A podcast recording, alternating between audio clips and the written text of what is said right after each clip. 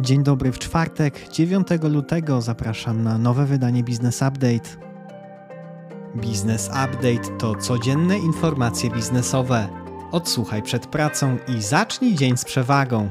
W środę na warszawskiej giełdzie główne indeksy rosną około 1%, najmocniej wśród blue chipów rosły akcje JSW, o 3,5% do prawie 60 zł za akcję na wieść o dogadaniu się spółki ze związkowcami. Na szerokim rynku na uwagę zasługuje wzrost live chat około 12% do 140 zł za akcję.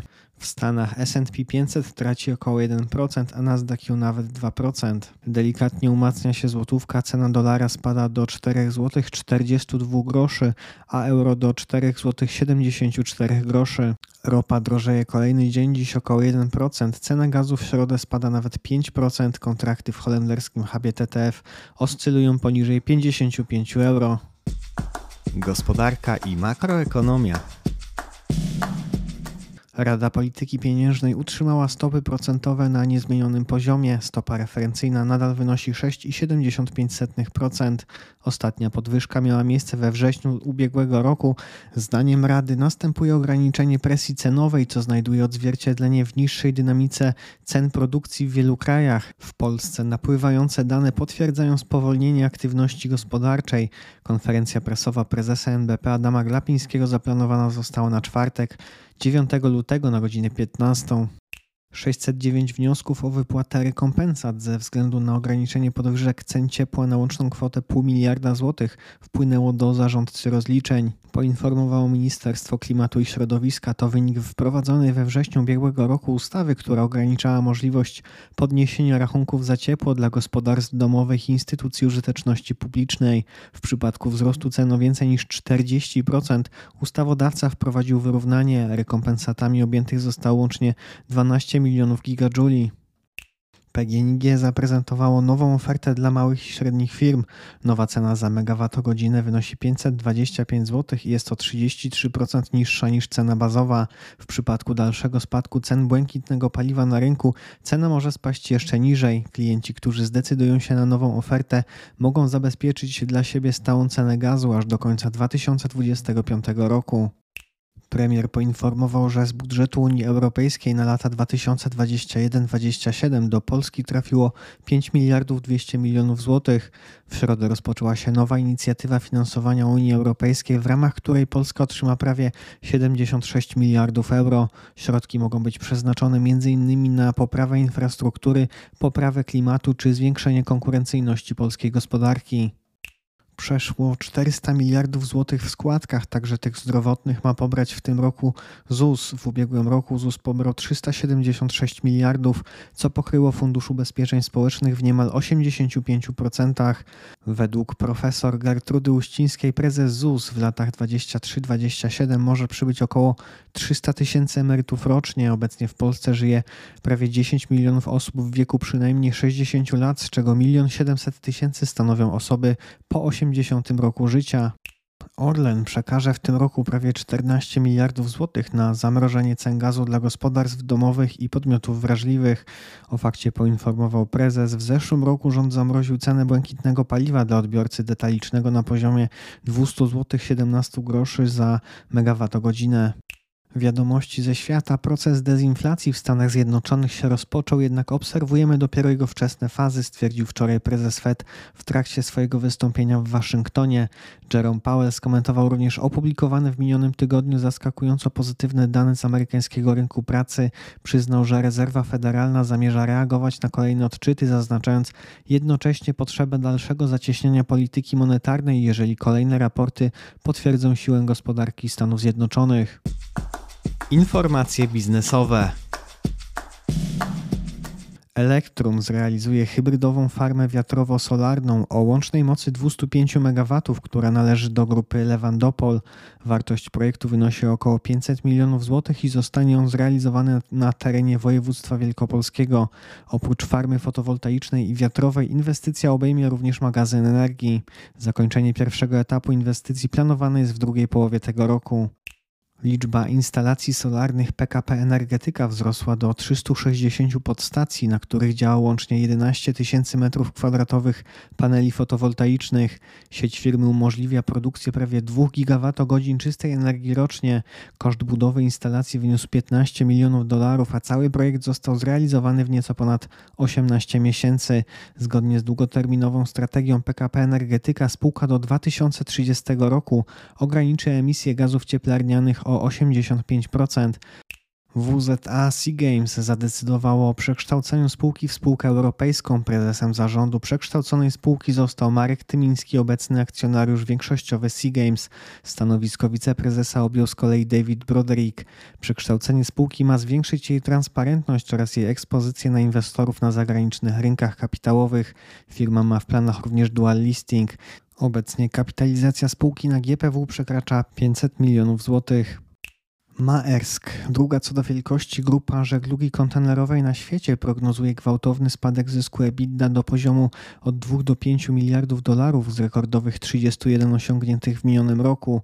Powodem ma być kurczenie się globalnego handlu po wywołanym przez pandemię boomie w żegludze kontenerowej. Według grupy popyt na kontenerowce w tym roku ma spaść nawet o 2,5% względem poprzedniego roku. Microsoft poinformował o zintegrowaniu sztucznej inteligencji z produktami firmy wyszukiwarką Bing oraz przeglądarką internetową Edge. Spółka podejmując współpracę ze startupem OpenAI zamierza wyprzedzić konkurencję, wykorzystując technologię czerpiącą dane w czasie rzeczywistym, co pozwoli informować konsumentów o bieżących wydarzeniach. Microsoft zamierza również udostępnić klientom biznesowym narzędzia do tworzenia własnych chatbotów podobnych do popularnego ChatGPT. Super Bowl, finał amerykańskiej ligi NFL, który odbędzie się w ten weekend, ma przyciągnąć do bookmacherów nawet 50 milionów Amerykanów, którzy według szacunków mają postawić zakłady na kwotę 16 miliardów dolarów. Fuzje i przejęcia, inwestycje i venture capital. TFI-PZU poinformowało o podpisaniu umowy na zarządzanie funduszem nieruchomości mieszkaniowych dla Vienna Life Tu na życie. Transakcja rozpoczyna rozwój nowej linii biznesowej towarzystwa w obszarze zarządzania aktywami dla klientów instytucjonalnych. Na koniec zeszłego roku TFI-PZU zarządzało aktywami spółek z grupy PZU oraz klientów zewnętrznych o łącznej wartości około 41 miliardów złotych. Startup Plenty oferujący elektronikę w planach subskrypcyjnych pozyskał 5 milionów euro od m.in. For Growth VC, Monty's Capital i NCBR Investment Fund.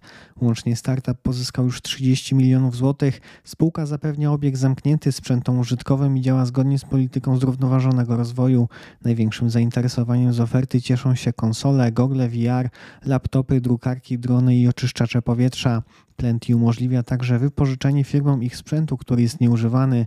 Firma zatrudnia obecnie 40 osób i szykuje się do ekspansji na inne rynki. Holenderski Shopwork połączył się w zeszłym roku z polskim Strix i robi rebranding do Strix NL.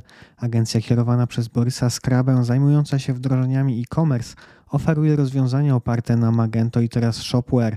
Łącznie grupa miała w zeszłym roku około 40 milionów złotych przychodów przy nawet 12% marży EBITDA. Grupa chce się rozwijać na zachodzie i tam rozgląda się za przejęciami.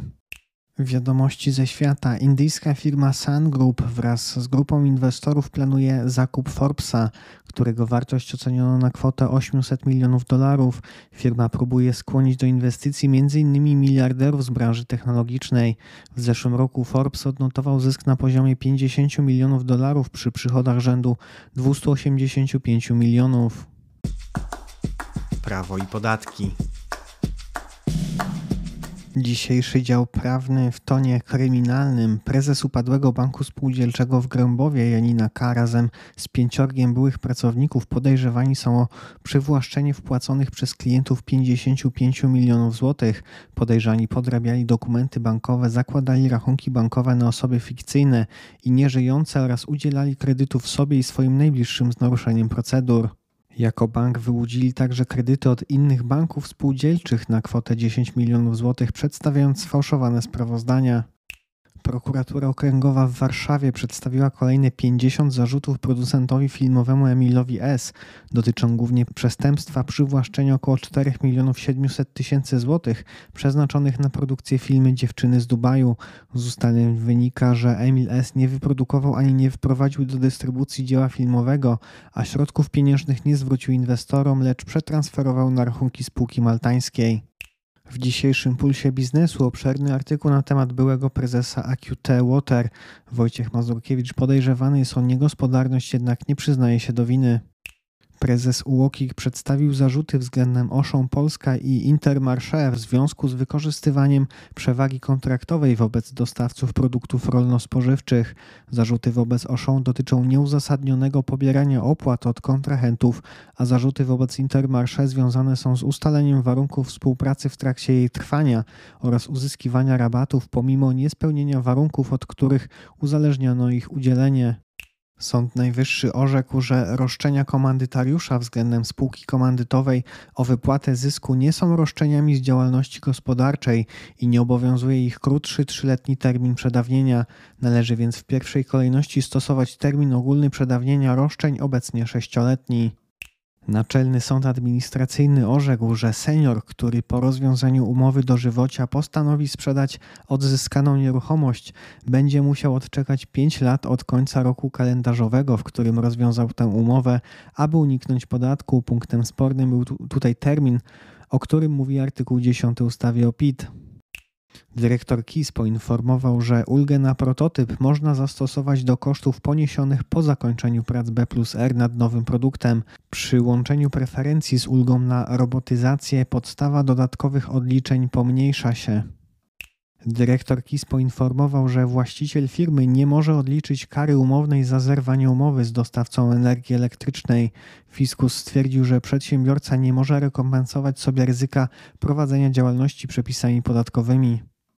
Sejm odrzucił poprawki Senatu do ustawy o Sądzie Najwyższym i tym samym proces legislacyjny w parlamencie się zakończył.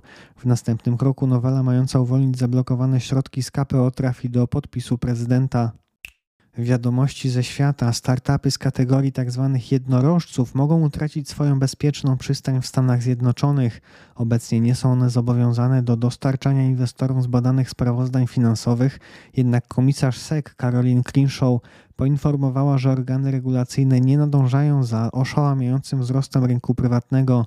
W związku z tym SEC planuje przerobić Regulation D tak, aby bardziej przypominała Regulation A, wielopoziomowy system, w którym wymagania dotyczące raportowania rosną wraz z wielkością oferty.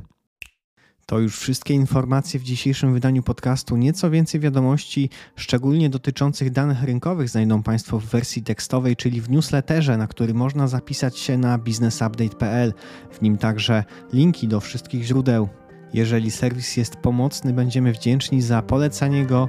Ja życzę Państwu owocnego czwartku i do usłyszenia jutro.